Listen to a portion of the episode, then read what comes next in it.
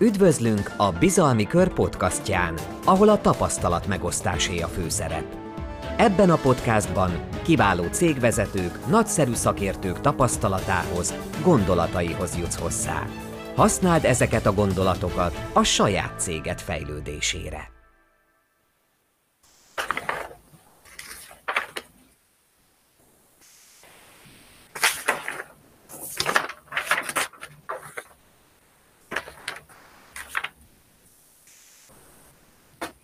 Rovatunkban, ahogy az előbb említettem, felvilágosítást kapunk.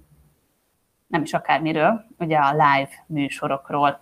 Nem tudom, hogy a mostani uh, trend az az, hogy most már mindenki igazából élőben közvetít. De hogy ezt milyen és milyen minőségben, formában tesszük meg, hát ez nem mindegy. Régebben kaptunk mindig névjegykártyákat, próbáltunk minél szebb, minél jobb fogású névjegykártyákat adni, Hát ez most a személyes találkozók hiány, ez elmarad, és az első találkozás az egy online találkozás, és nem mindegy, hogy ezt milyen minőségben tesszük. Ezért fontos az, hogy minőségi kamerával, minőségi mikrofonnal, minőségi világítással tegyük mindezt. Úgyhogy ebben lesz segítségemre Pálvölgyi Zoltán, a Pálvölgyi Digitál Kft. tulajdonosa, akivel itt is ül már aki, akiről ezzel, ezzel fogunk beszélgetni, hát én nagyon kíváncsi vagyok, hogy miket hozott, és mi az a tanács, amivel a legjobb minőséget tudjuk megmutatni a partnereinknek. Szia Zoli! Sziasztok, szia! Nagyon köszönöm, hogy itt lehetek újra veletek, ez fantasztikus lehetőség, és valóban igen, hoztam egy-két olyan kütyüt, amivel viszont ezeket az online élő bemutatkozásokat, vagy akár felvételről szóló bemutatkozásokat, beszélgetéseket, ezeket elő lehet segíteni.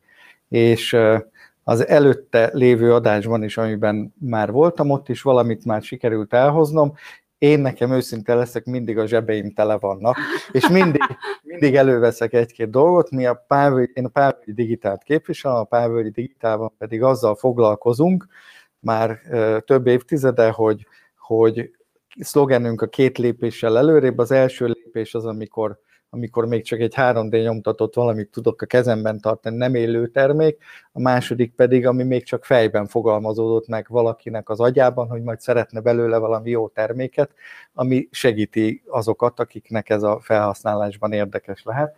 Én hoztam, Na, miket hoztál? Én hoztam azért egy jó pár dolgot, magam mellé készítettem egy pár olyan kütyüt, amivel, is akadt egymásba. Ami egymásba akadt, igen. De nem is volt Hú, ez Az... egy dobó csillag. ez egy dobó csillag, hogy miért is hoztam el. Rajta van egy pici kis világítás. Ez a kicsi világítás, ez egy csöpp apró kis lámpácska. Ez egy ledes lámpa Dél-Kaliforniából különben, ami egy olyan lámpa, amit tudok dobálni, és most nem mutatom meg, mert nem akarnám széttörni. Viszont 20 méterig le tudom vinni a víz alá, és 800 oh. lument ad nekem, tehát valami hatalmas nagy fényt biztosít ahhoz, négy órán keresztül tudom használni, és rengeteg rögzítés technikája van neki. Hogyha mondjuk a telefonomhoz akarom használni, akkor nagyon egyszerű, mert ha van mágneses. rajta, igen, egy mágneses, hogy hátulján van egy, van egy mágnes, és ez a mágnes pedig bárhova fölragad. Hogyha én egy élőt vagy egy fölvételt akarok csinálni, ha neked van, van rajta egy ja, pici biztos, olyan nem. kis lapocska, amit föl tudsz Aha. ragasztani, akkor ezt meg lehet tenni. Nagyon én nagyon sokszor egy whiteboardnál, amikor, amikor felírok valamit, vagy csinálok egy rövid kis videót, akkor én felrakom a whiteboardra, mégpedig úgy, hogy rárakom ezt a kis kupakot, amivel egy lágyított fényt tudok kapni, tehát ott nem egy olyan konkrét nagyon ö, éles. kemény, mhm. éles kontúrokkal és árnyékokkal rendelkező világítást használok, hanem egy, egy lágy világítás, és hogy ezt miért is hoztam el, mert hogy nagyon sok lehetőséget kínálunk, akár ennél, akár a nagyobb testvérénél, hogy mit is csináljak egy laptoppal, és egy laptoppal történő live során. Ha én a laptopomat azt lerakom az asztalomra, hú, köszönöm szépen, így most látható is. Ha laptopomat lerakom az asztalra, akkor több lehetőségem van. Az egyik lehetőség, hogy például fölrakom egyszerűen oh. azt a kis matricát, amit bármikor le tudok szedni, fölrakom, adok magamnak egy kis világítást, ami nem fog zavarni engem, mert én a képernyőt nézem, és nem olyan konkrét, éles, kemény fény, ami zavarhatna, de mégis tudom használni. De Hogyha akkor, eset... bocsánat, akkor ez, ez egy nagyon jó arra is, hogyha valaki ugye online tárgyal, most egy az online tárgyalások, átment, ugye persze. az online térbe. A Zoom, a Teams, a, Zoom, a, a minden a Meetre, ez nagyon nagyszerű. É, hát igen, akkor amikor, be. igen, akkor, amikor egy, egy, akár egy bizalmi körös Zoom Teams és igen. valaki olyan sötétben jelentkezik, vagy a háttérben világos van, van és utána ő sötét, akkor pedig minimális az, amit lehet belőle látni, és így hát elég, elég gyenge minőség lesz. Igen. Mire van ez a dobócsillag? Ez a kis dobócsillag, ez különben pedig arra való, hogy ebből bármit lehet csinálni, és akárhova föl fogom tudni rögzíteni. Ez egy ilyen gumis kis megoldás, és ezt bárhova, ahova én akarom, oda föl tudom rakni, hogy ez most éppen a karom, és arra rakok rá egy, egy, egy akciókamerát például, vagy világítást, vagy bármi, akkor ezzel meg tudom tenni, akár középre, akár oldalra, meg mindenhova. Tehát, hogy vannak olyan megoldásaink, ami ami baromi egyszerű, és nagyon sok helyre tudom használni. Ami a másik még, hogyha ilyen kis lámpát, vagy akár a nagyobbat akarom használni, az, az egy nagyon fontos, hogyha van egy kis satum, ez egy kis satu, csak rácsavartunk egy rudat.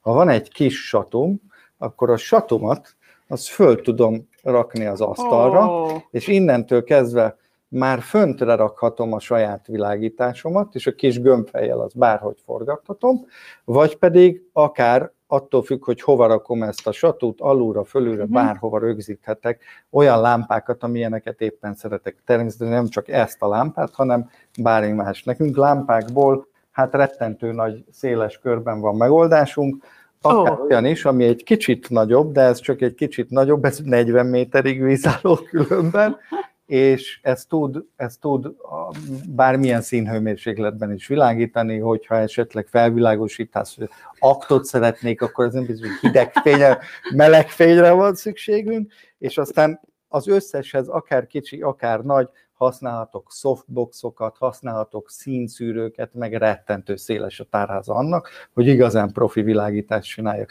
És én azt szoktam nagyon-nagyon sokszor megmutatni, hogyha egy, egy, akár egy ilyesmi stúdiót berendezünk, akkor különben három darab ekkora lámpával egyet magam elé rakok fölülre, ahonnan most is kapok világítást, Igen. egyet oldalra rakok ki a másik irányból, ami Mert világít. akkor nem lesz árnyékba az arcom Mert azért? akkor már nem lesz árnyékos, és három dimenzióban fogom tudni világítani, tehát hogy már három dimenzióban élvezhető lesz a kép, nem lesz olyan sík, és a uh-huh. harmadikat pedig valahova hátulra rakom, az pedig ad egy olyan kis hajfényt, és, és ad egy háttérből egy olyan világítást, hogy el is tudjak szakadni a háttértől, tehát hogy jobban nézzen ki maga a, a, a kép, amit közlök magammal. Uh-huh. Ezeket pedig nagyon egyszerűen tudom megcsinálni, akár pici kis lámpaállványokkal, amik uh-huh. különben kis helyet foglalnak, és kicsire csukható össze, és a másik az pedig egy olyan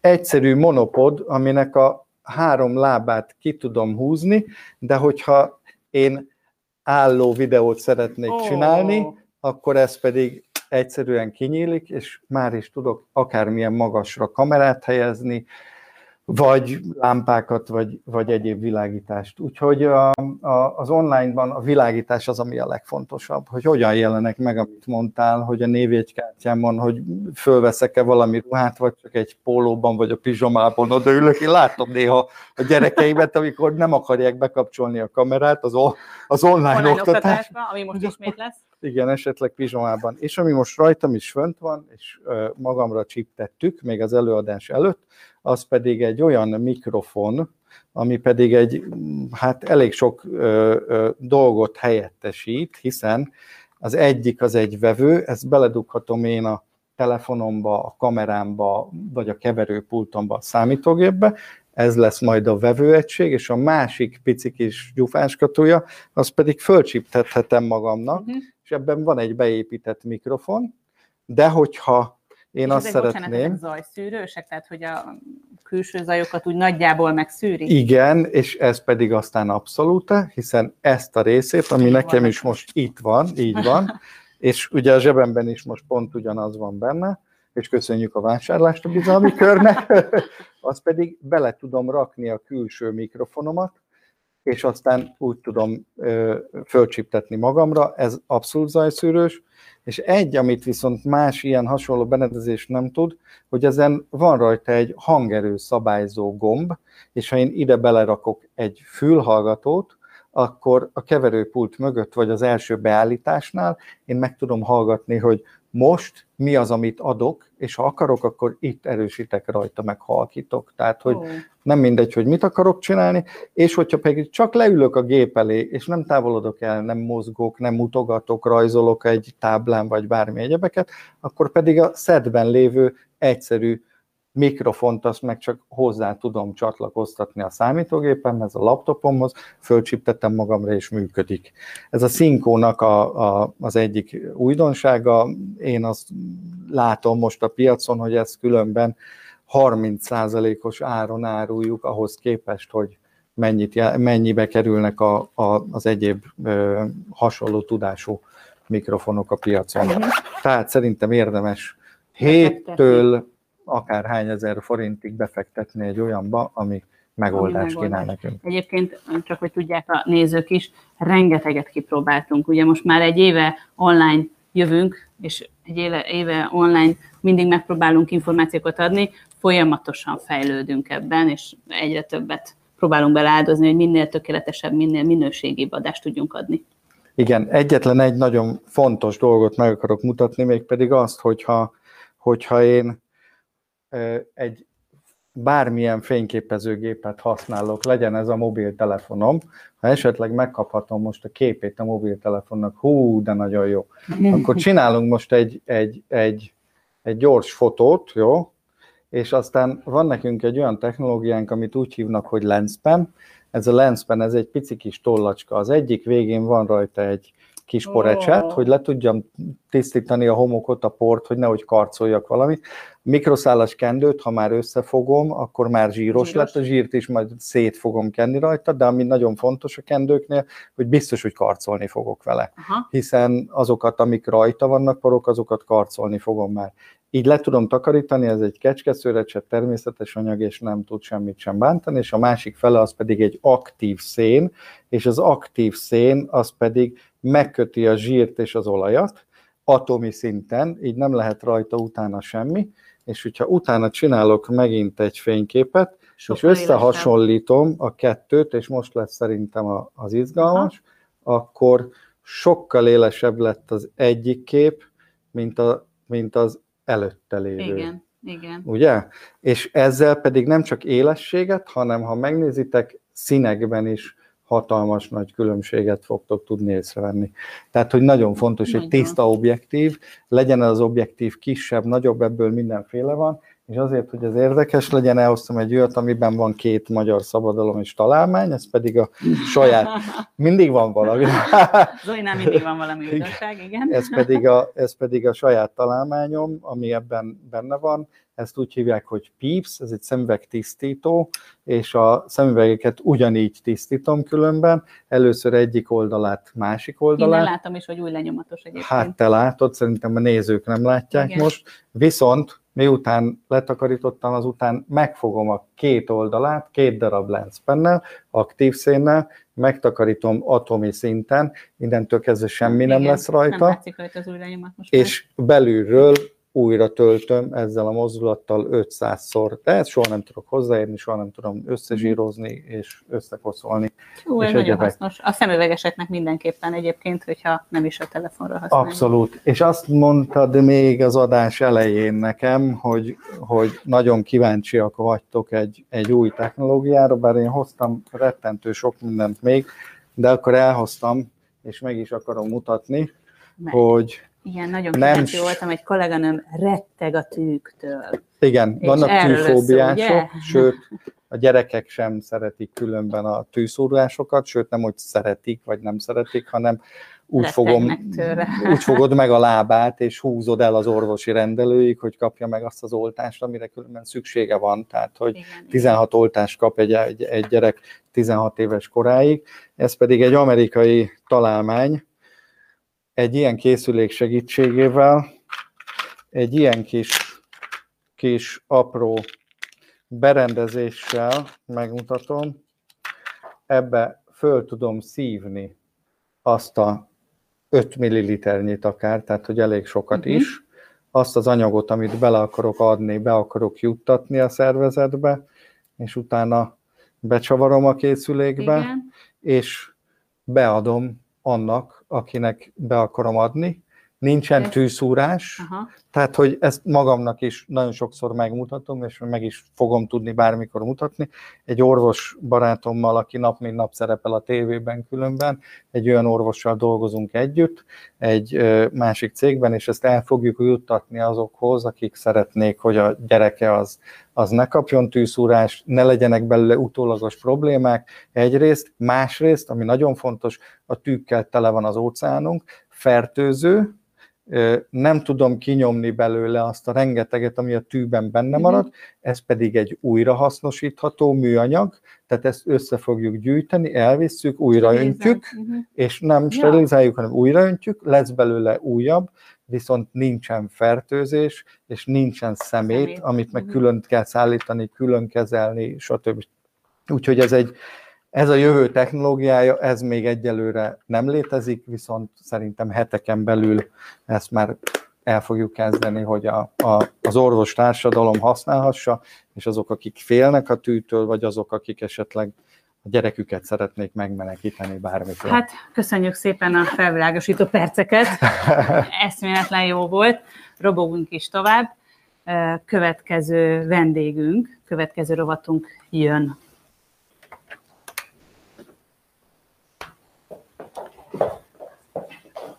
addig is, míg az intro érkezik, azért szólok mindenkinek, hogy a nap kérdésére válaszoljatok, hogy nyerhessetek vagy egy Győz meg és Uralkodj című könyvet, vagy egy uh, Fit Biking csomagot. A nap kérdése pedig, te használsz-e meggyőzés technikát az üzleti életben? És akkor következzen. Reméljük, értékes volt számodra, amit hallottál. Ha tetszett, oszd meg azzal az ismerősöddel, aki hallgatás közben eszedbe jutott. Vagy nézd vissza videó formájában a Bizalmi Kör Facebook csatornáján. Várunk vissza egy másik podcastban további értékes cégvezetői tapasztalatokkal. Üdvözlünk a Bizalmi Kör podcastján, ahol a tapasztalat megosztásé a főszerep. Ebben a podcastban kiváló cégvezetők, nagyszerű szakértők tapasztalatához, gondolataihoz jutsz hozzá. Használd ezeket a gondolatokat a saját céged fejlődésére.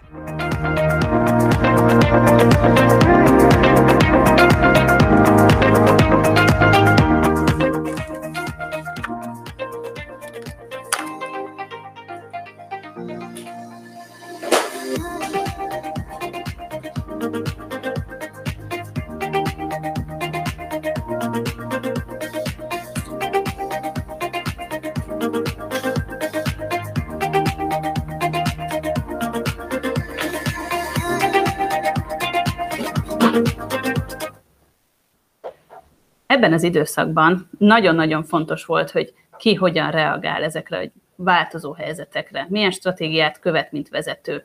Hát erről lesz szó Vég Ottóval, a Surgent egyik alapítójával, erről beszélgetünk. Itt is van már Otto velünk. Szia Otto! Első kérdésem az, hogy egyáltalán lehet az, hogy valaki vezetőként tud változni? Tehát van mindenkinek egy habitusa, én egy kicsit pörgősebb vagyok, de van egy kicsit lomhább, van olyan, aki egy kicsit megfontoltabb, van, aki belevág a közepébe, az majd lesz valami. Tehát tud ebben változni egy vezető? Sziasztok, köszönöm a meghívást, és üdvözlöm a nézőket is. Először is azt kell szerintem tisztázni, hogy sokan felteszik a kérdést, hogy vannak-e vezető típusok egyáltalán, vagy vezetésre született emberek, és én azt gondolom, hogy vannak, és ezt összekapcsolódnám a kérdéseddel is, vannak, és ők születtek valamilyen típusú vezetői stílusra, de én szerintem nagyon sok minden tanulható. Uh-huh. Arra nem is beszél, hogy a helyzet mit, mit kíván meg tőlünk. Tehát tudok mondani alaptípusokat, és mindenki fogja ismerni azt, akinek víziói vannak, hatalmas vízió után megy és viszi a céget, ugye Elon Musk, Steve Igen. Jobs, azt hiszem, hogy óriási jó példákkal tudunk szolgálni. Aztán vannak a kicsit régebbi és talán már nem is annyira jól működő irányító, ugye szigorú felépítésen alapuló, organizáción alapuló vezetői stílusok. Én azt gondolom, hogy ez most már nem annyira menő, és nem annyira trendi, és talán jobb, hogyha nem így működnek a rendszerek.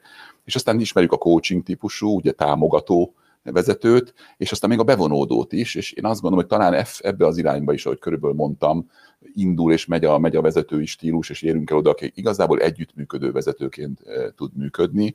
A mai világban főleg én azt érzem, hogy, hogy ott lehet a kulcs. Még annyit hozzátennék ahhoz, amit kérdeztél, hogy persze mi van akkor, ha valaki mondjuk irányító vezető, és, és rájön, hogy azért kicsit másképp kéne működnie, teljes mértékben nem hiszem, hogy meg tudunk változni, és nem bújunk ki a bőrünkből, de az adott szituáció tekintetében mindenképpen érdemes ezzel foglalkozni. Én azért kíváncsi vagyok, hogy hogy jön rá, hogy ez nem biztos, hogy a legjobb vezetői stratégia. Mert egy, egy vezető azért elég magányos farkas, sokszor ugye elég önfejű. Hogy, hogy tudja meg, hogy ez, ez nem jó irány. Nagyon jót mondtál, magától nem biztos, hogy rájön. Tehát szerintem rendkívül fontos az, hogy vezetők is legyenek olyan emberekkel körülvéve, akikkel tudnak akár erről beszélgetni. Uh-huh. Rögtön kérés a vezető mennyire fogad el ugye visszajelzést például.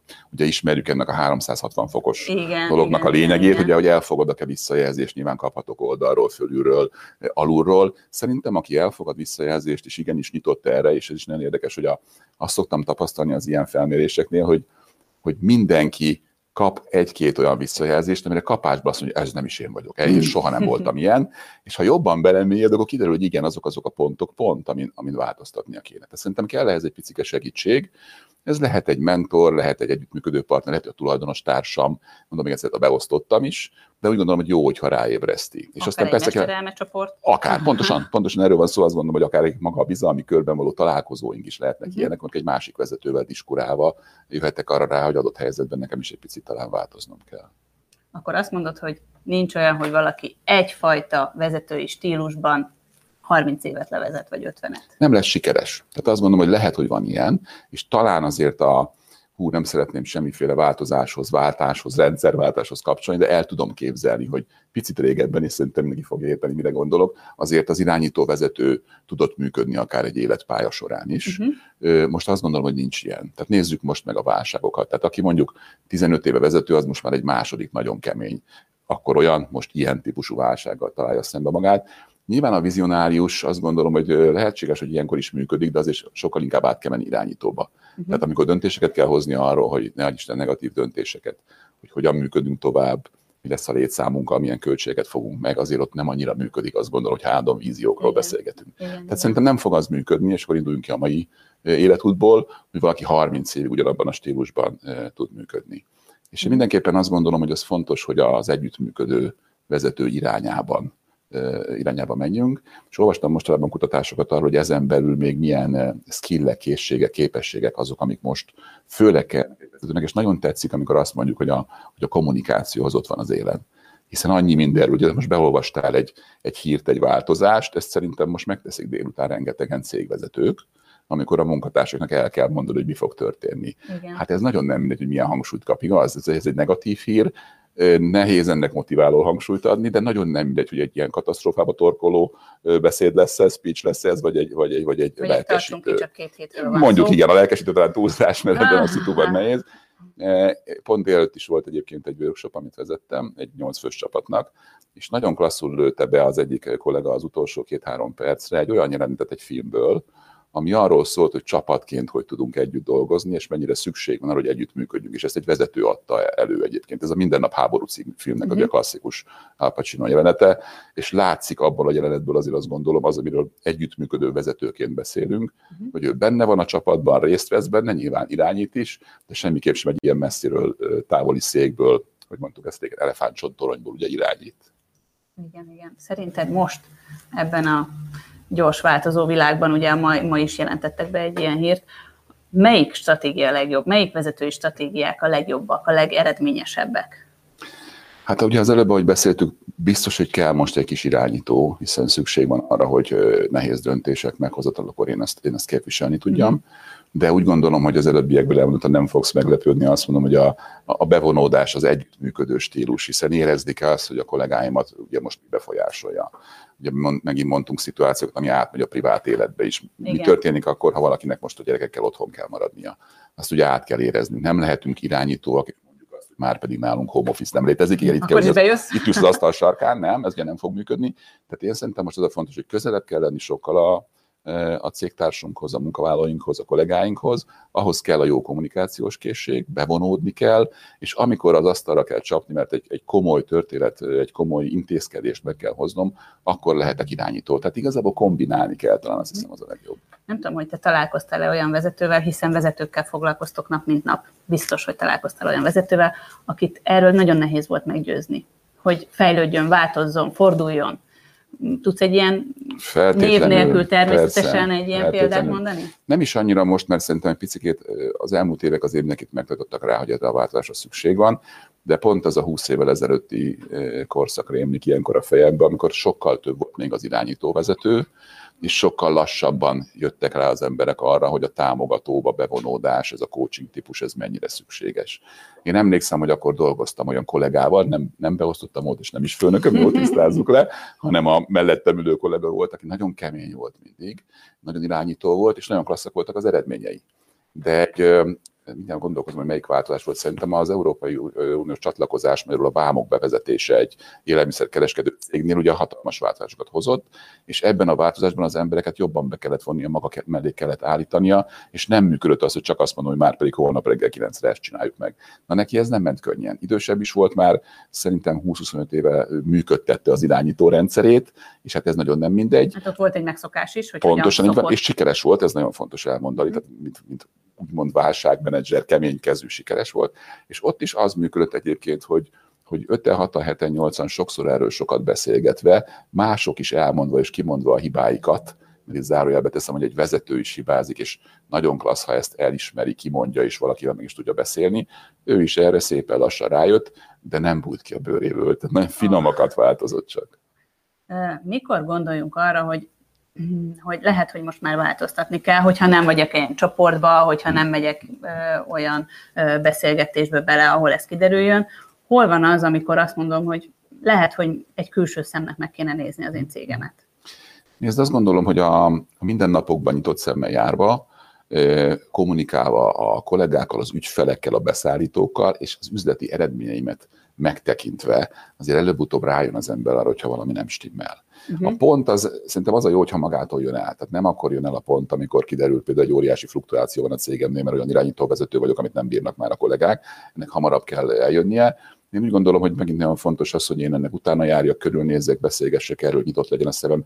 Ez a 360, amiről beszéltünk, ennek az informális módja, ugye a, a, nem tudom, a kávézás, meg a folyosói beszélgetés, meg majd ha végre mehetünk étterembe és beszélgetünk, azért ott, hogyha nyitott az ember és figyel arra, ugye van a visszajelzésnek ugye a, a, a lényege, meg a visszajelzésnek a kultúrája, visszajelzést a vezetőnek is kéne kapni, ez egy nagyon nehéz történet. A beosztottól nem fog nagyon visszajelzést kapni, uh-huh. igaz? Ezért Igen, van az a magány. Attól, Így van. Ezért vele. is van a magány, amit mondtál, de hogyha azokra a visszajelzésekre, én, én például nagyon ö, szeretem azt, és nagyon szeretek úgy dolgozni, és nagyon tanácsolnám is, hogy mindenkinek legyenek bizalmi emberei. Uh-huh. És a mhm. bizalmi emberem az legyen meg a szervezetnek több részér is. Valahol tanítják például az informális vezetőnek a szükségességét aki nem formálisan vezető a szervezetben, informálisan, magyarul például rajta keresztül jutnak el információk a szervezetbe üzenetek akár. De tudok én úgy üzenni, hogy tudom, hogy akkor fog eljutni leghamarabb a szervezetbe, ha nem leírok egy köriményt, hanem megmondom valakinek. Úgyhogy szerintem a nyitott szemmel, nyitott fülle járás és a minél több információ befogadása a kritikákkal együtt, az juttat el odáig, és hogy sok a kritika, ha sok a panasz, na akkor gondolkodjunk. Annak lehet már alapja, igen. Uh-huh. És akkor keressünk meg valakit, aki ebben tud segíteni. Tehát... Igen, hát itt egy picit ugye hazahúz, hazahúz a szívem, mert azt gondolom, hogy amikor az ember 15-20 évig felsővezetőként dolgozik, akkor, akkor már érez olyan szituációkat magától hamarabb, amivel erre rá lehet mutatni, és akkor tud segíteni. Tehát nagyon fontos lehet az, hogyha olyantól hallok ilyet, aki saját magán is tapasztalta, és Átélte. akkor segít nekem, az, azt gondolom, hogy hiteles. Igen, tapasztalata van, tudást, a tudást megosztja. Pontosan így van, ahogy ezt kell. Nagyon szép volt a végszó szerintem. Köszönöm, köszönöm szépen, köszönöm hogy elfogadtad a meghívásunkat, remélem máskor is jössz hozzánk. Abszolút így lesz, köszönöm, köszönöm még egyszer én is. Sziasztok, szervusztok! Hát folytatjuk is. Hát mi más jönne, mint az én kedvenc rovatom. Előtte viszont mindenképp meg szeretném kérni a nézőket, hogy osszátok meg ezt a műsort, nagyszerű nyeremények vannak. A, van a havi nyereményünk, ugye a megosztók, a lájkolók, a kommentelők között egy Trust Summit konferencia Gold jegyet sorsolunk ki március végén, illetve van a nap kérdése, a nap kérdése pedig úgy hangzik, hogy használsz-e meggyőzés technikát az üzleti életben, ezt fogjuk kisorsolni ma az adás végén. És akkor következik. Reméljük, értékes volt számodra, amit hallottál. Ha tetszett, oszd meg azzal az ismerősöddel, aki hallgatás közben eszedbe jutott. Vagy nézd vissza videó formájában a Bizalmi Kör Facebook csatornáján. Várunk vissza egy másik podcastban további értékes cégvezetői tapasztalatokkal. Üdvözlünk a Bizalmi Kör podcastján, ahol a tapasztalat megosztásé a főszerep. Ebben a podcastban kiváló cégvezetők, nagyszerű szakértők tapasztalatához, gondolataihoz jutsz hozzá. Használd ezeket a gondolatokat a saját céged fejlődésére.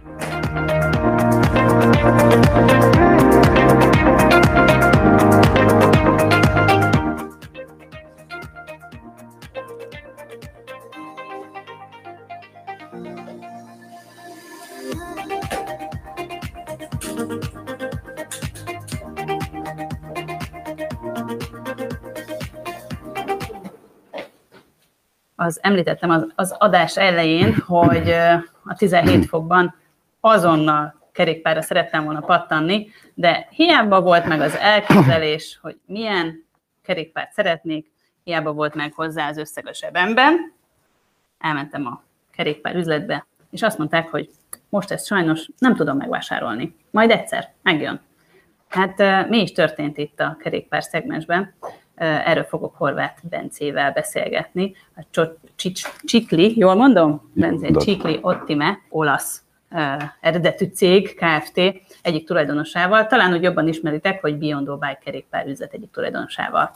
Szia, Bence! Szeretettel köszöntök mindenkit! Szóval mi történt itt? Miért nem tudok én kerékpárt vásárolni, mikor én már annyira szeretnék kerékpározni? Régen mindig úgy volt, hogy elhatároztam, meg volt rá nem is kevés összeg, bementem a boltba, és megkaptam. Tehát ez azt jelenti, hogy te bementél egy fizikai értelemben egy üzlet, ami, ami éppen nyitva volt, ugye? Igen, igen. Na, hát ez a apró örömei, nem? Hát most nem tudok bemenni, legalábbis nyolcadikától. Igen. igen.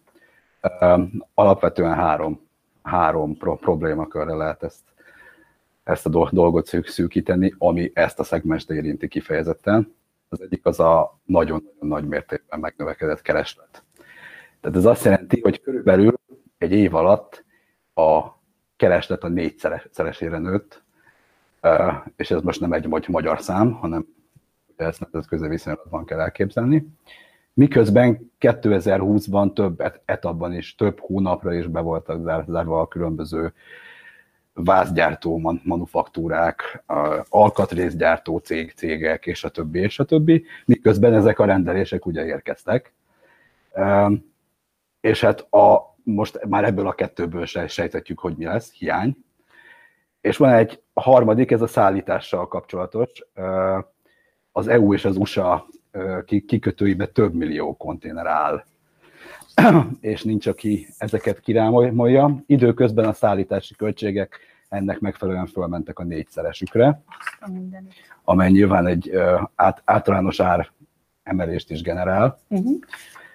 Um, és hát nagyjából ebből, ebből áll össze ez a dolog. De én azt javaslom, hogy közelítsük meg egy picit tágabb perspektívából ezt a dolgot, a vás, tehát magának a válságnak a perspektívájából. Én azt a példát szoktam mondani, hogy ez olyan, mint egy, mint egy ilyen autoimmunbetegség, tehát egy kolitis ulceróza, vagy egy, vagy egy, reumat, vagy, vagy egy reumatoid artritis, vagy valami hasonló. Tehát ez nem úgy van, hogy tegnap még nem volt semmi bajod, és akkor ma lup, lúpuszod van mondjuk, nem. Hát ez, ez egy folyamat. Egy Tehát volt. ennek egy folyam, folyamat jellege van. Na most ennek következtében nyilvánvalóan, hogy a megoldás sem lehet az, hogy visszatérünk oda, ahol mondjuk 2020 előtt volt, voltunk, hiszen az okozta a válságot.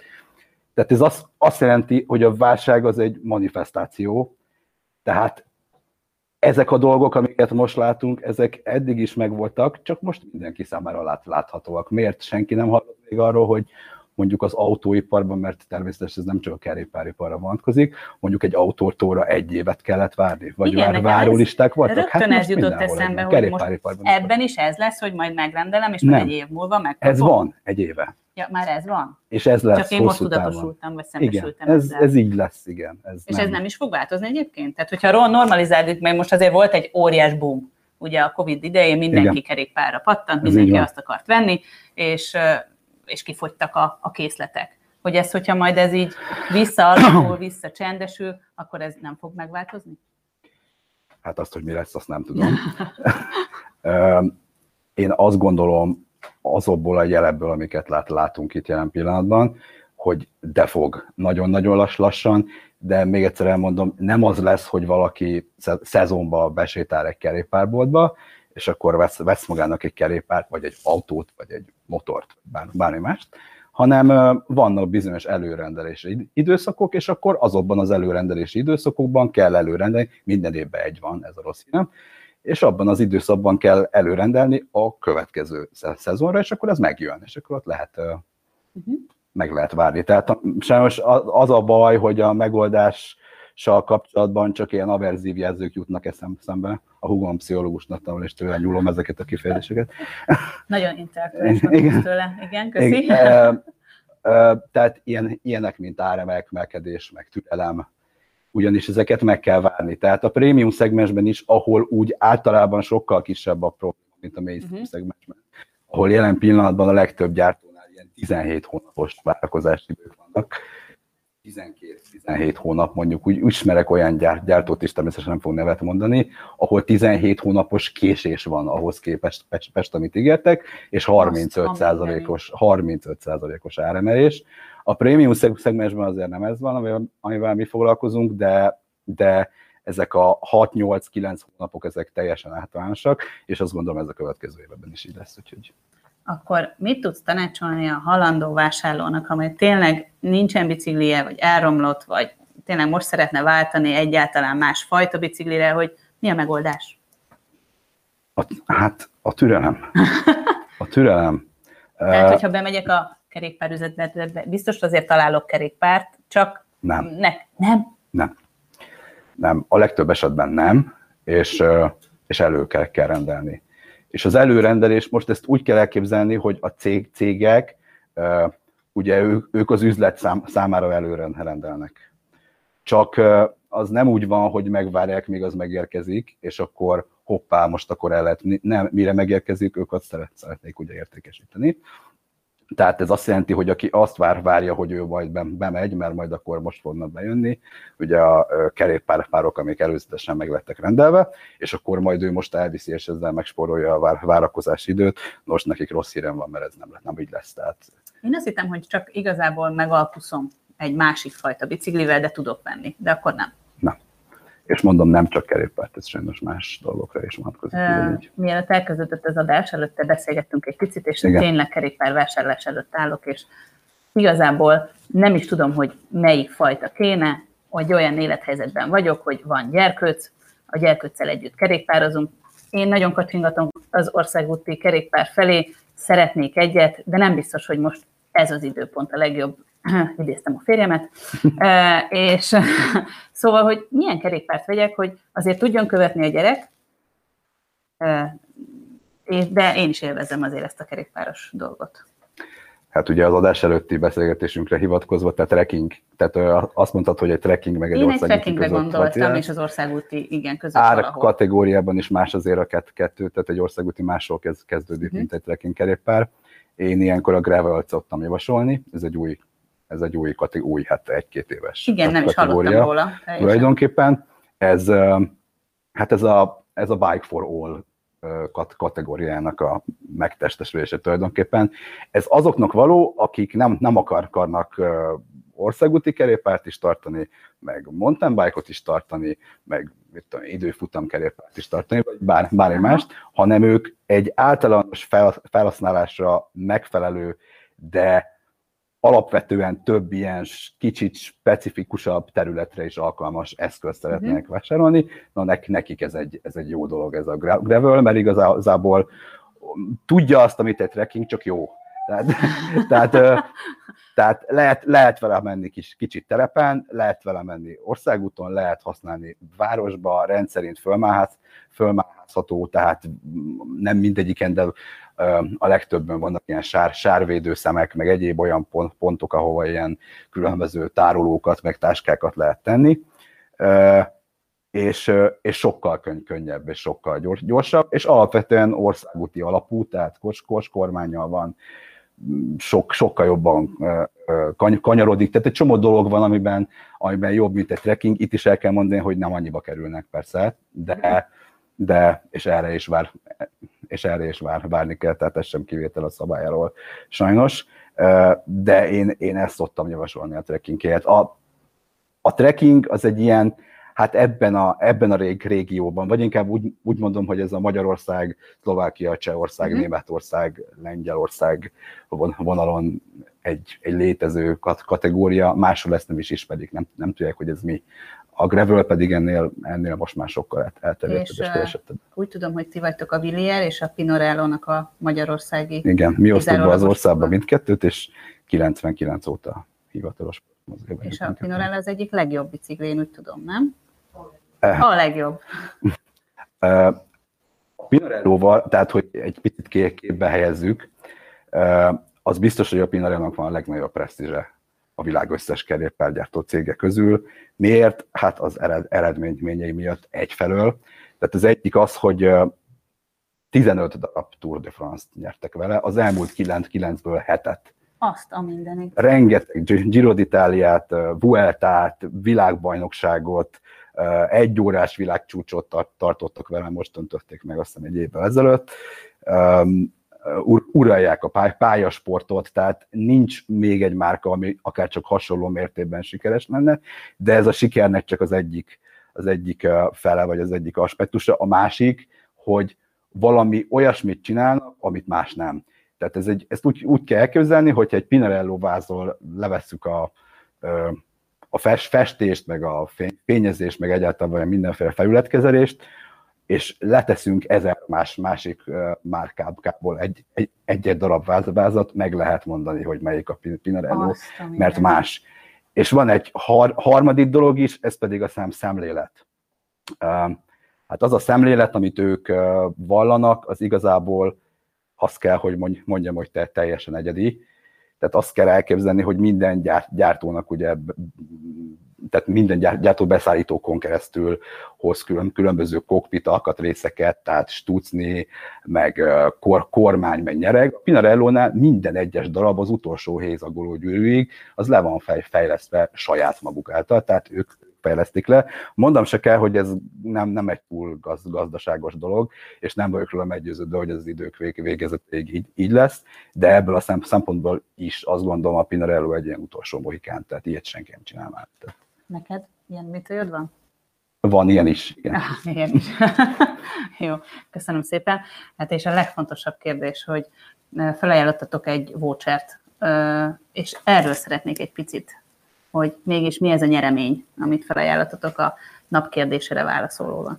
Igen, egy bike fittinget ajánlottunk föl. Erről is beszéltünk az adásra, hogy kétfajta bike fitting létezik. Van az egyik, amelyik a vásárlás előtt van, egy ilyet ajánlottunk fel egyébként. Ez azt jelenti, hogy a kiválasztott modell geometriája alapján egy erre a, egy erre a tevékenységre rendszeresített bemérőeszközzel ugye megcsináljuk a mérést, és akkor kiderül, hogy abból a modellből kon- konkrétan meg, mekkora méret kell az illetőnek, és van a másik fél, fél amikor már megjött ugye a termék, és már csak ugye személyesen az előbbi nyilván az a macerásra feladat, az utóbbi ez egy könny, könnyebb. Igen, azért nem mindegy, hogy órákat kerékpározunk, és azt milyen testtartásban tesszük. Nagyon sok rossz, dolog Rosszul van beállítva így a van. kormány meg az ülés, akkor már Nagyon sok dolog fontos, de a geometria az az első. És nem is biztos, hogy a kiválasztott modell az annak az embernek, aki kiválasztotta, az feltétlenül jó. Tehát lehet, lehet, lehet hogy egy másik modellt kell választani, mert mondjuk két mér méret között van, vagy egész egyszerűen az a felhasználási terület, amire az a ter- termék készült, az egyszerűen nem felel meg annak az elképzelésnek, ami az ő fejében megszületett. Tehát ez, ezért is jó ez, mert, mert nyilvánvalóan ez is kiderül nagyon-nagyon gyorsan. ha bemennek hozzátok, egyébként ti tudtok segíteni, hogy milyen kerékpár illik hozzá?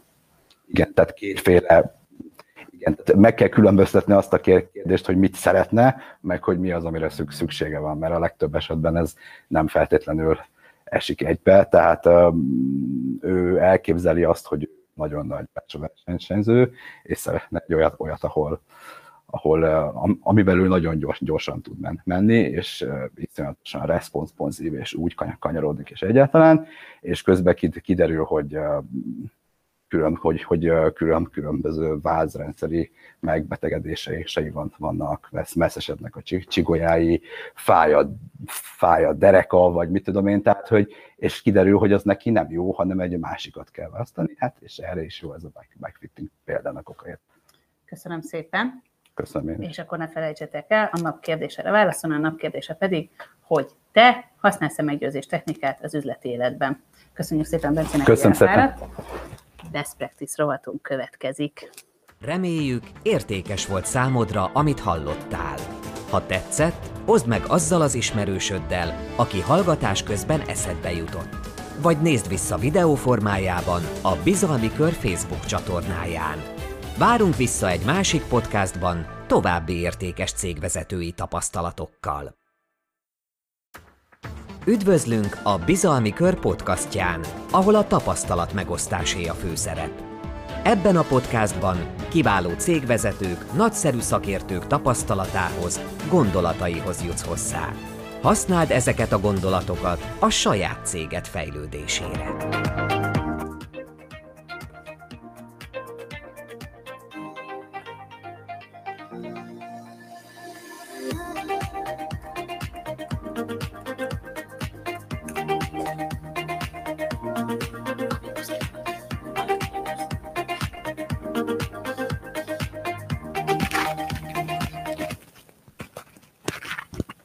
Mostanában több cégvezető is gondolkodik azon, hogy megmérettesse magát a külföldi piacon is, vagy akár egy második lábat növesszen, és még nagyobb bevételi forrása legyen a külföldi piacról.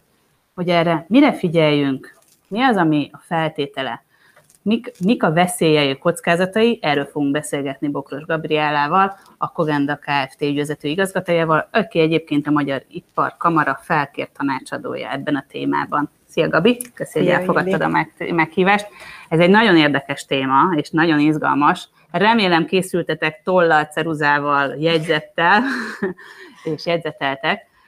Első kérdésem, hogy mégis tényleg mi az első lépés az, hogy ha én kitaláltam, hogy akkor én a külföldi piacra szeretnék nyitni? Mit tegyek először? Az első lépés az nyilván az, hogy megállapítsuk azt, hogy a cégünk a belpiacon már, már kellő tapasztalattal rendelkezik-e, mert azért ahhoz, hogy valaki a külpiacra lépjen, azért a magyar piacon itt bent is jó kell teljesíteni. Nyilván vannak olyan vállalkozások, akik kifejezetten az exportra alapoznak, de azért általában, hogyha valaki itt Magyarországon vezet egy céget, ott már biztosan kell állnia, és általában akkor szoktak külpiacra vágyni ezek a cégek, mikor itt már plafon közeli állapotba kerülnek, Uh-huh. vagy valamilyen oknál fogva egy kicsit beszűkül a piac, tehát valami konkurencia lép föl, vagy valami olyan tényező jön be a piacra, ami miatt kicsit bejebb szűkült az ő piacuk, és ezért szeretnék a külpiacon ezt pótolni ezeket a kiesett bevételeket.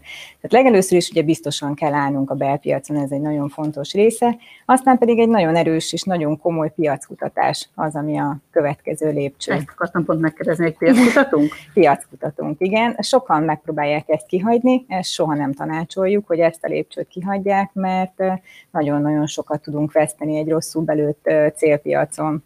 Tehát muszáj tényleg azt az adott országnak az adott piacát mindenféle irányból megnézni. Nem feltétlenül kell tanácsadókra hivatkozni, Ezt lehet saját belső, akár uh-huh. egy, egy, egy nagyon erős szótanalízissel például, ahol meglátjuk azt, hogy milyenek a mi verseny előnyeink, milyenek a mi termé, milyen a termékünk vagy a szolgáltatásunk, azzal már elég jól fókuszba tudjuk helyezni azokat a pozitívumokat, amikkel rendelkezünk, akár a versenytársakkal szemben, de ugye a külpiacnál nagyon fontos, hogy akár a politikai, a jogi részét nagyon jól ismerjük annak az országnak, ahova szeretnénk kilépni. Tehát nem elég, valóban nem elég az, hogy itthon mindent ismerünk, és itt nem, nem kell ilyen egyszerű dolgokra gondolni. Tehát például, hogyha valamilyen terméket közúton fuvarozunk egy adott országba, mondjuk Azerbajdzsánba, teljesen mindegy, mm-hmm. ahhoz nekünk a közúton lévő összes országnak a jogi szabályozását is akár ismernünk kell, hiszen az árunk keresztül megy, e, e, keresztül megy ezeken az országokon. Tehát, hogy azt is nézni kell, ez főleg azért nyilván az engedélyköteles termékekre vonatkozik akár a jövedéki adóra, vagy bármilyen termékre, aminek azért valamilyen bejelentési kötelezettsége van, vagy adóköltsége van. Úgyhogy nagyon alaposan utána kell nézni a jogi, politikai oldalnak is. Érdemes egyébként ilyenkor azt is megnézni, hogy tudunk-e valami partnerkapcsolatot fölvenni?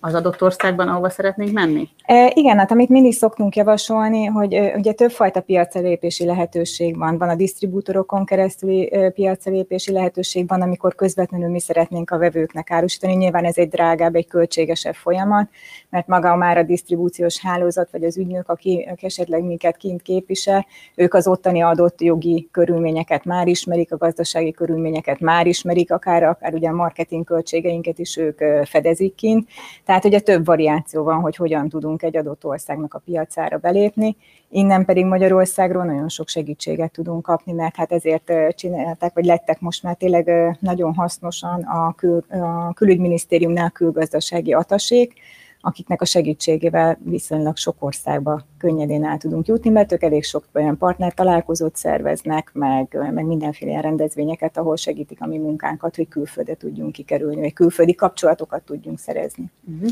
Ahhoz, hogy külföldre lépjünk, ugyanúgy kell egy üzleti terv, tehát mondjuk egy exportterv? Igen, kell egy exportterv, aminek a része az üzleti terv, Aha. meg az üzleti modellünk, meg egy marketing terv, pénzügyi terv, kockázati terv, tehát elég sok-sok részből áll össze egy, egy, egy exportterv. Itt a kamaránál egyébként, amit most csinálunk, ez az országos vállalkozói mentorprogram, aminek a tanácsadója vagyok, ott igazából pontosan a végtermék egy ilyen exporttervnek az elkészítése ez a, ezen a ezen Ez a egyébként nagyon bonyolult, több oldalas? E, igen.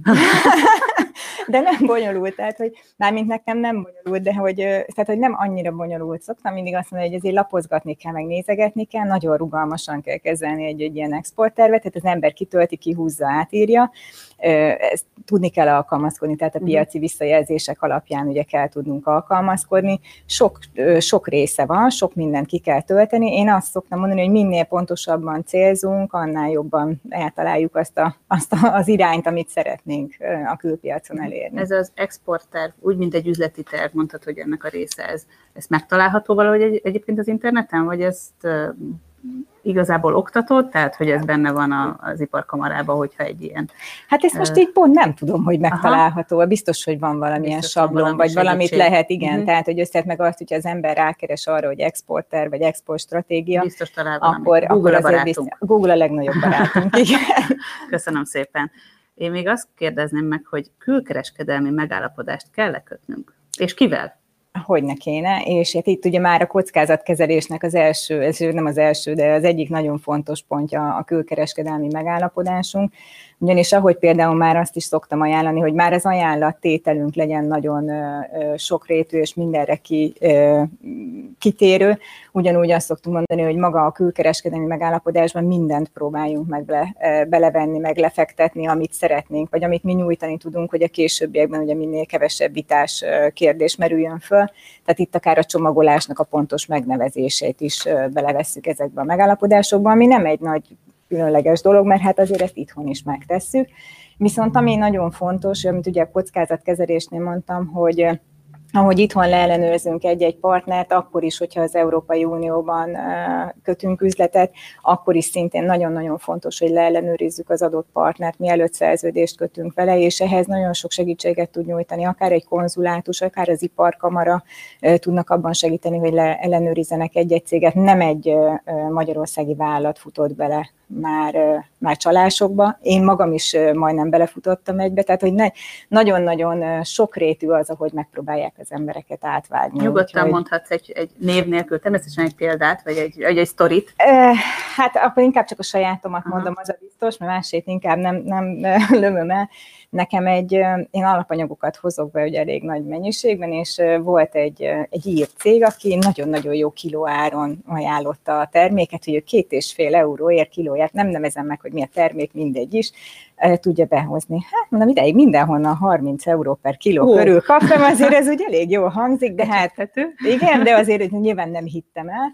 És, és aztán tehát csak néztem az oldalát, minden stimmel, stimmelt a honlap, stimmeltek a cégadatok, minden stimmelt, de valahogy az e-mailek, ahogy jöttek, olyan nem volt aláírás, tehát nem volt úgy, az a szép formátum, ami úgy szokott, hogy olyan mm. beágyazva, hanem csak most mit tudom mondok, ami team, mennyi volt az de Kínából kapok ilyen leveleket körülbelül, tehát hogy azt mondjuk, hogy megszoktam, tehát először így nem verte ki a szemem, de aztán csak elkezdtem gondolkodni, valami nem stimmel, mondtam, hogy szeretnénk mintát kérni.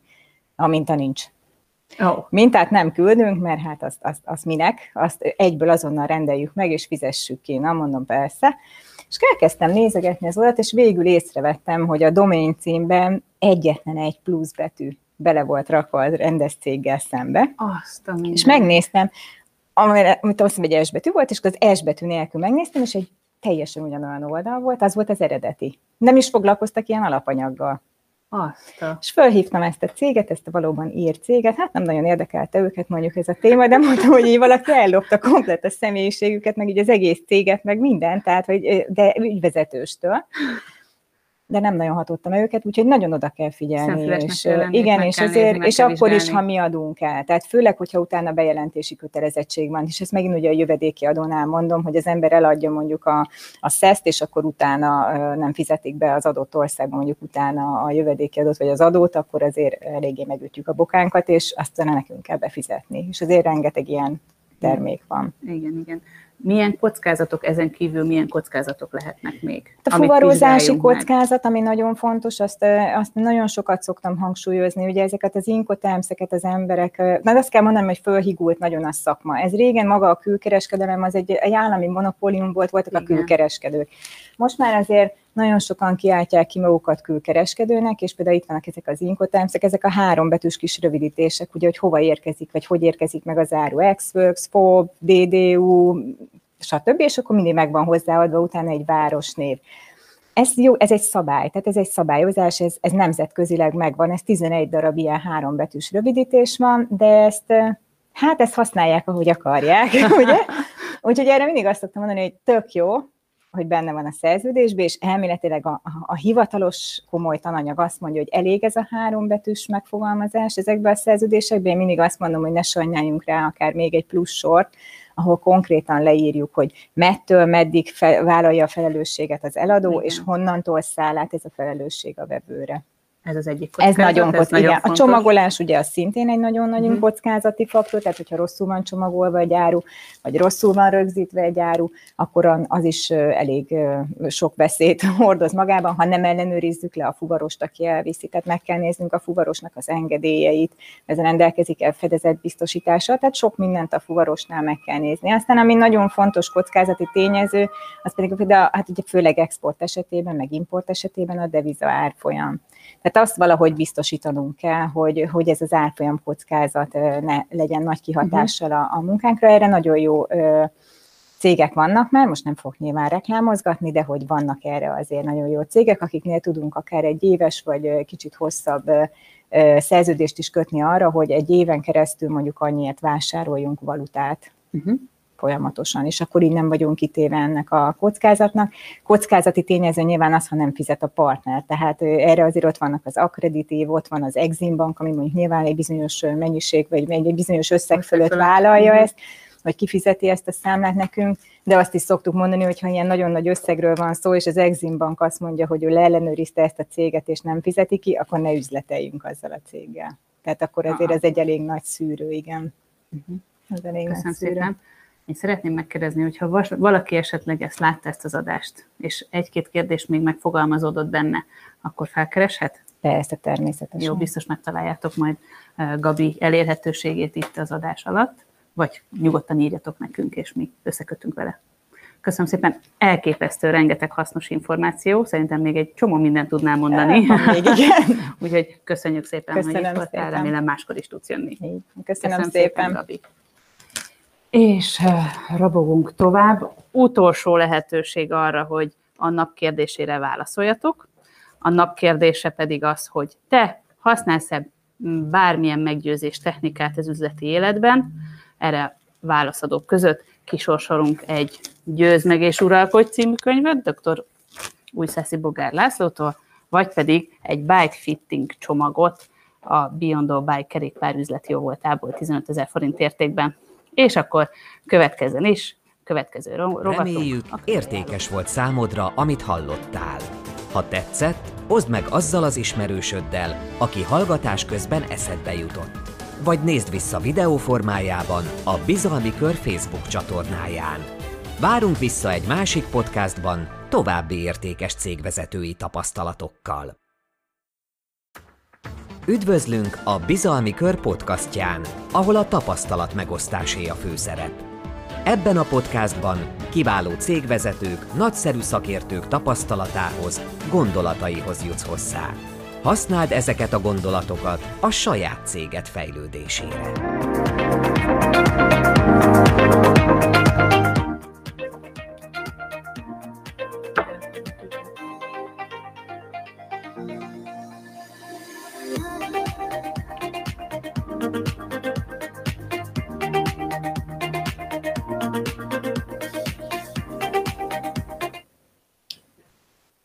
Agyunk több ezer információkat dolgoz fel naponta. De ezt nagyon-nagyon sokat egyébként automata üzemmódban szoktuk csinálni. Hideg van, felveszek egy pulóvert, szomjas vagyok, iszom egy pohár vizet, de ezt nem szoktam tudatosan igazából, hanem már így ösztönösen szoktuk csinálni. Illetve rengeteg beidegződésünk van, sztereotípiánk. Nem tudom, hogy igazából mennyire lehet engem meggyőzni vagy befolyásolni? Hát erről beszélgetünk dr. Újszászi Bogár Lászlóval, kivel mással, mint a meggyőzés technika doktorával. Szia! Szia, Laci! Szia, Első kérdésem az, hogy hogy jut valakinek az eszébe az, hogy hát én a meggyőzés technika doktora leszek? Amikor középiskolás voltam, akkor jutottam el először arra a szintre, hogy ha valaki szépen beszélt, vagy olyan megnyerő volt a beszéde, akkor nagyon érdekelt engem, hogy mi lehet-e mögött. Uh-huh. Arra voltam kíváncsi, hogyha én valamilyen szempontrendszer szerint őt érdekesnek találom, vagy meggyőzőnek találom, akkor, hogyha én ezt a szempontrendszert megtanulom, akkor vajon tudok-e olyan meggyőzővé válni, mint ő?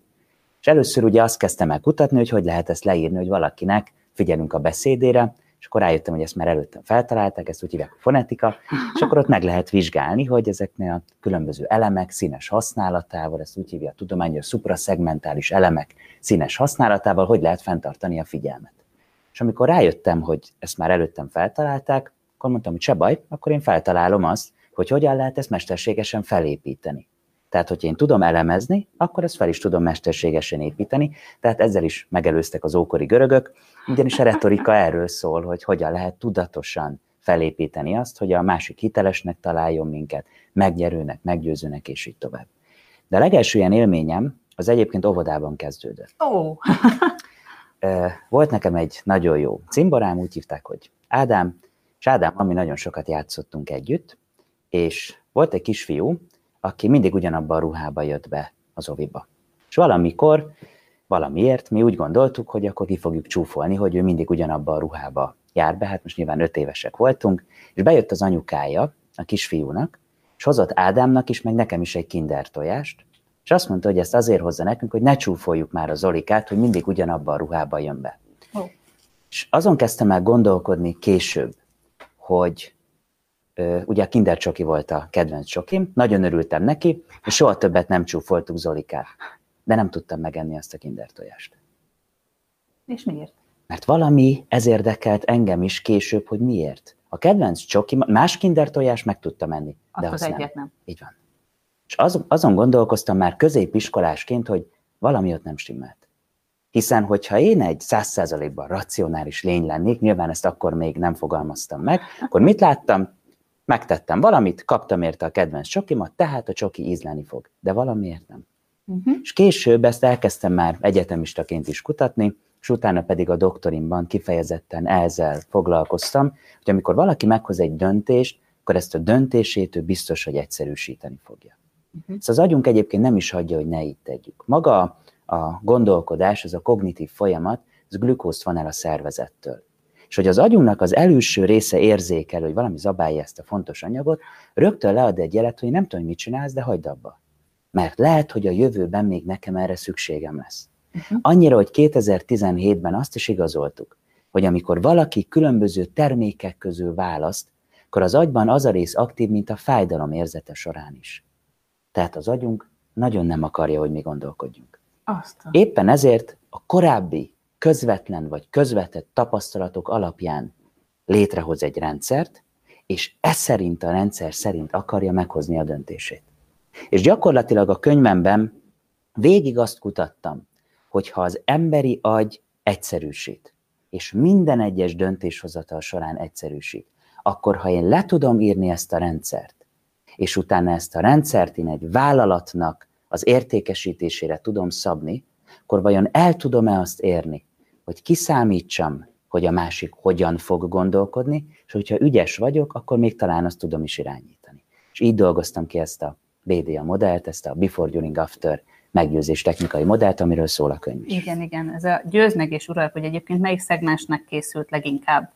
Elsősorban a személyes eladásra fókuszálnak a, a, a kutatásaim, tehát azoknak ajánlom jó szívvel, akik személyesen adnak el, és itt aztán gyakorlatilag mindegy, hogy üzleti kontextusban vagy magánélet gyakorlatában szeretnénk használni, ugyanis mindig azt szoktam mondani, hogy a meggyőzés és befolyásolás technikánál a legfontosabb az, hogy megértsük, hogy hogyan működik az emberi elme. Uh-huh. Mert hogyha megértjük, hogy hogyan működik az agy, és hogyan működik ez a technika, akkor utána mindegy, hogy almát szeretnénk eladni. Feleségünket meggyőzni arról, hogy nézzen meg velünk egy horrorfilmet, és így tovább, ugyanaz lesz a szituáció. Nem azt mondom, hogy ugyanúgy kell eladni vetőmagot, mint ipari akkumulátort. Szó sincs róla. Csak azt mondom, hogy az emberi agy ugyanolyan rendszer szerint fog egyszerűsíteni, és nekünk azt kell megtalálni, hogy ebbe a sablomba, ahogy működik az agy, a saját termékünket hogyan tudjuk beilleszteni. Szóval, ha mondjuk én HR-es vagyok, és mondjuk toborzásra szeretném Igen. Használni, akkor ezt tudom használni akár toborzásra is, mert ugye nagyon fontos, hogy most egy minőségi munkaerőt találjak, szeretném, hogyha itt maradna, hogyha minket választana. Pontosan. Gyakorlatilag ezt is, ez is egy eladás, csak éppen egy munkakört adok el. pontosan erről van szó. Itt is, hogyha követjük a BDA modellt, ez nagyon-nagyon röviden úgy néz ki, hogy ugye az emberi agy egyszerűsít. Az első etap, ami szerint egyszerűsít az emberi agy, az a before szakasz, azaz, hogy korábban milyen közvetlen vagy közvetett hatások értek. Ha meg akarok győzni valakit, akkor ne cégbemutatóval kezdjünk, ne arról kezdjünk el beszélni, hogy ISO 9001-es tanúsítvány, ez egyelőre még senkit nem érdekel. Mhm. Először azt kell megtudnom, hogy a befogadó felet milyen hatások érték azelőtt, hogy mi találkoztunk vele. Hát Korábban. akkor, amikor leülök vele tárgyalni, Így ugye személyes tárgyalás, először kérdezem meg, hogy hogy van, Nem de ez feltétlenül, így ez egy alapvetően kérdés, annak ugye? az adott attitűd tárgyal való korábbi tapasztalatát. Például, mi volt az, ami megragadta a figyelmedet az álláshirdetésben? Uh-huh. Meg akarom tudni, hogy a mellettem szóló érvek közül melyik volt az, amelyik az ő figyelmét ragadta meg. Ez Melyik azért, volt a nyomógombja? így van. Ez azért lesz kulcsfontosságú, mert úgy működik az emberi agy, hogyha valakit meg akarunk győzni, akkor három érvig nő a szimpátiaindex. A negyedik érvnél megáll ez a növekedés, az ötödiknél drasztikusan csökken, a hatodik érvnél pedig az a rész aktivizálódik az agyban, mint az undor érzete során is. Tehát bekapcsol az úgynevezett reaktancia. És itt már az ember nem azt vizsgálja, hogy ez a termék jó nekem vagy sem, hanem az, pontosan valaki akar korlátozni a döntési szabadságomba, inkább nem kell. Mint a két éves kislányom. Amikor azt mondom neki, hogy vedd fel a sapkát, mit mond? Nem.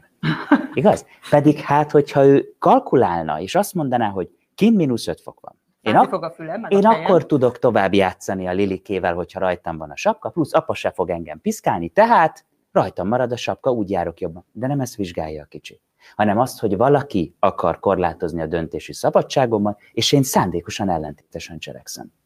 Ez működik a túl sok érveknél is. Viszont én honnan tudjam, hogy a befogadó fél számára mellettem szóló 15 érvből melyik a három legerősebb? Csak úgy, hogyha megkérdezem tőle. Például azzal a kérdéssel, hogy mi ragadta meg a figyelmedet a hirdetésben. És amit ő mond, amilyen érvet ő kiemel, arra az érvre érdemes felépíteni a cégbemutatót. Mert az ő agyában ez lesz az a before szakasz, amit folyamatosan fog vizsgálni. Ha például azt mondja, hogy korábban munkahelyemen mondjuk a főnök soha nem, is, nem ismerte el a teljesítményemet például, és ez neki egy fájó pont, akkor ő mikor eljön az állásinterjúra, az agya automatikusan a before szakaszából ezt fogja vizsgálni, Mhm. tehát ő erre keres folyamatosan bizonyítékot. És minél előbb ad a HRS kolléga erre bizonyítékot, hogy a cégünknél ilyen rendszerben, ilyen időközönként vannak ilyen típusú elismerések, annál inkább és annál hamarabb meg tudjuk ragadni az ő figyelmét. Köszönöm szépen. Én szeretném megkérdezni, hogy azért egy-két nüanszot tudsz-e valami befolyásolás vagy meggyőzés technikát lehet-e így adni, vagy pedig tényleg olvassuk el a könyvet, mert nagyon-nagyon egymásra épül. Hogyha ki kellene emelnem mondjuk egy technikát, ami az Igen. egyik kedvencem, mondjuk ez a látszólagos érdekellenérvelés. Egy másik egyetemnek a szenátus ülésére mentünk el, és ugye azt akartuk, hogy legyen több retorika képzés. Ugye azért másik, mert nem a Corvinusról van szó, és nem az eltéről, ahol tanítok, hanem egy másik egyetemről. És egy ilyen szenátusi ülést úgy kell elképzelni, hogy 15-20 professzor, hát csillogó szemekkel várja a fiataloknak az újító szándékait, igen, tehát egy nagyon kellemes kö- környezetbe megérkeztünk, elmondtam ott a kis beszédemet, hogy legyen több retorika képzés, és jelentkezett az egyik professzor, hogy Bogár úr, kérdezhetnék valamit? Hú, ez amikor hallja az ember, hogy ez nagyon fog fájni. Igen, professzor úr, parancsoljon. Jól értem el, hogy ön azt szeretné, hogy nálunk itt az egyetemen legyen több retorika képzés. Igen, az öreg figyelt, mondom, igen, professzor úr, erre céloztam. És jól gondolom el, figyeljünk, hogyha nálunk itt az egyetemen több retorika képzés lesz, akkor Bogár úrnak is jelentősen nőni fog a bevétele. Igaz? Azt mondtam, hogy professzor úr megtisztelő, hogy rögtön rám gondolt. Hát nyilván ezzel nem építettem a jövőbeli kapcsolatunkat, viszont az volt a döbbenetes, hogy ilyenkor már hiába kezdtem azt elmondani, hogy teljesen mindegy, hogy mi az én érdekem. Azt nézzük meg, hogy a hallgatóknak mi az érdeke. És azért, mert esetlegesen nekem érdek egyezésem van a hallgatókkal, az nem jelenti, hogy rossz maga a Mhm. javaslat. Csak hogy az emberi agy nem így működik. Az emberi agy úgy működik, hogy ha én azt látom, hogy érdeket származik abból, amit mondasz, akkor rögtön csökken az oxitocin szint, ami a bizalomért felelős kémiai anyag, azaz kevésbé leszel ezáltal szimpatikus. És arra voltam kíváncsi, hogy oké, okay, hogyha az ember a saját maga mellett érvel, csökken a szimpátia, vajon ha a saját érdekével szemben érvel, akkor nő a szimpátia. Gyorsan megírtam a tanulmányjegyzetet, hogy akkor itt az én nagy felfedezésem, elvittem a témavezetőmnek, ki mondta, hogy nagyon jó László, de képzelj el, hogy egy görög kutató pont megelőzte önt publikációval. Igen, úgy hívják, hogy Arisztotelész, aki Egy pár egy laza két és fél ezer évvel ezelőtt már leírta ezt a technikát, azaz, hogy nézzük meg ennek nagyon röviden a gyakorlatát. Például azt mondom egy tárgyaláson, hogy ezt az adott terméket kinek nem ajánlom. Mhm. Vagy elmondom, hogy nézd, nem biztos, hogy érdemes neked ezt a terméket megvenni. Engedj meg nekem néhány szakmai kérdés, hogy lássam, hogy jó szívvel tudom-e ajánlani. És hogyha nem, akkor legfeljebb kávéztunk egy jót, és baráti készfogással elválunk. Ez például a látszólagos érdekellenérvelésnek az üzleti gyakorlati megvalósítása. Az igen, köszönöm szépen. Én még magáni emberként szeretném megkérdezni, hogy ha ezt a Győz meg és Uralkodj című könyvet elolvasom, Igen. akkor konkrétan, remélem a férjem nem nézi, meg tudom-e győzni arról a férjem, hogy mennyire fontos lenne nekünk a kertbe egy medence, egy sauna, egy jacuzzi, akarom mondani nekem, hogy ha ezt elolvasom, akkor ebből tudok igazából, ha szemfülesen olvasom, Mhm. kiolvasni olyan technikákat? Ezzel a célral és ezzel a reménnyel írtam meg ezt a könyvet, úgyhogy bízom benne, hogy igen. Hát köszönöm szépen. Köszönöm.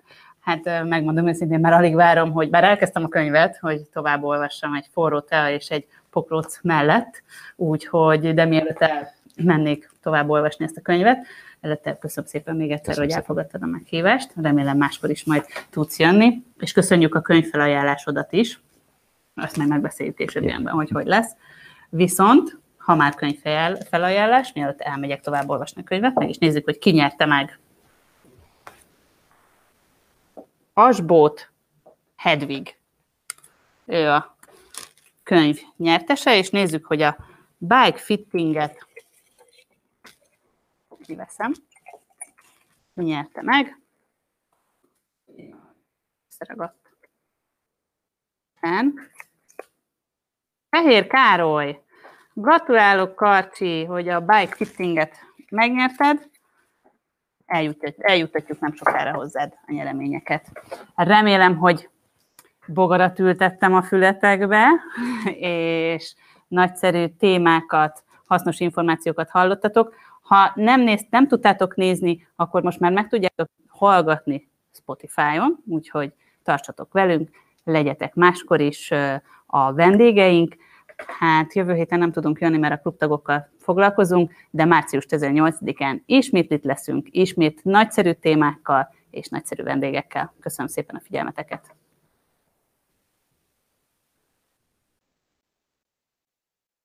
Reméljük, értékes volt számodra, amit hallottál.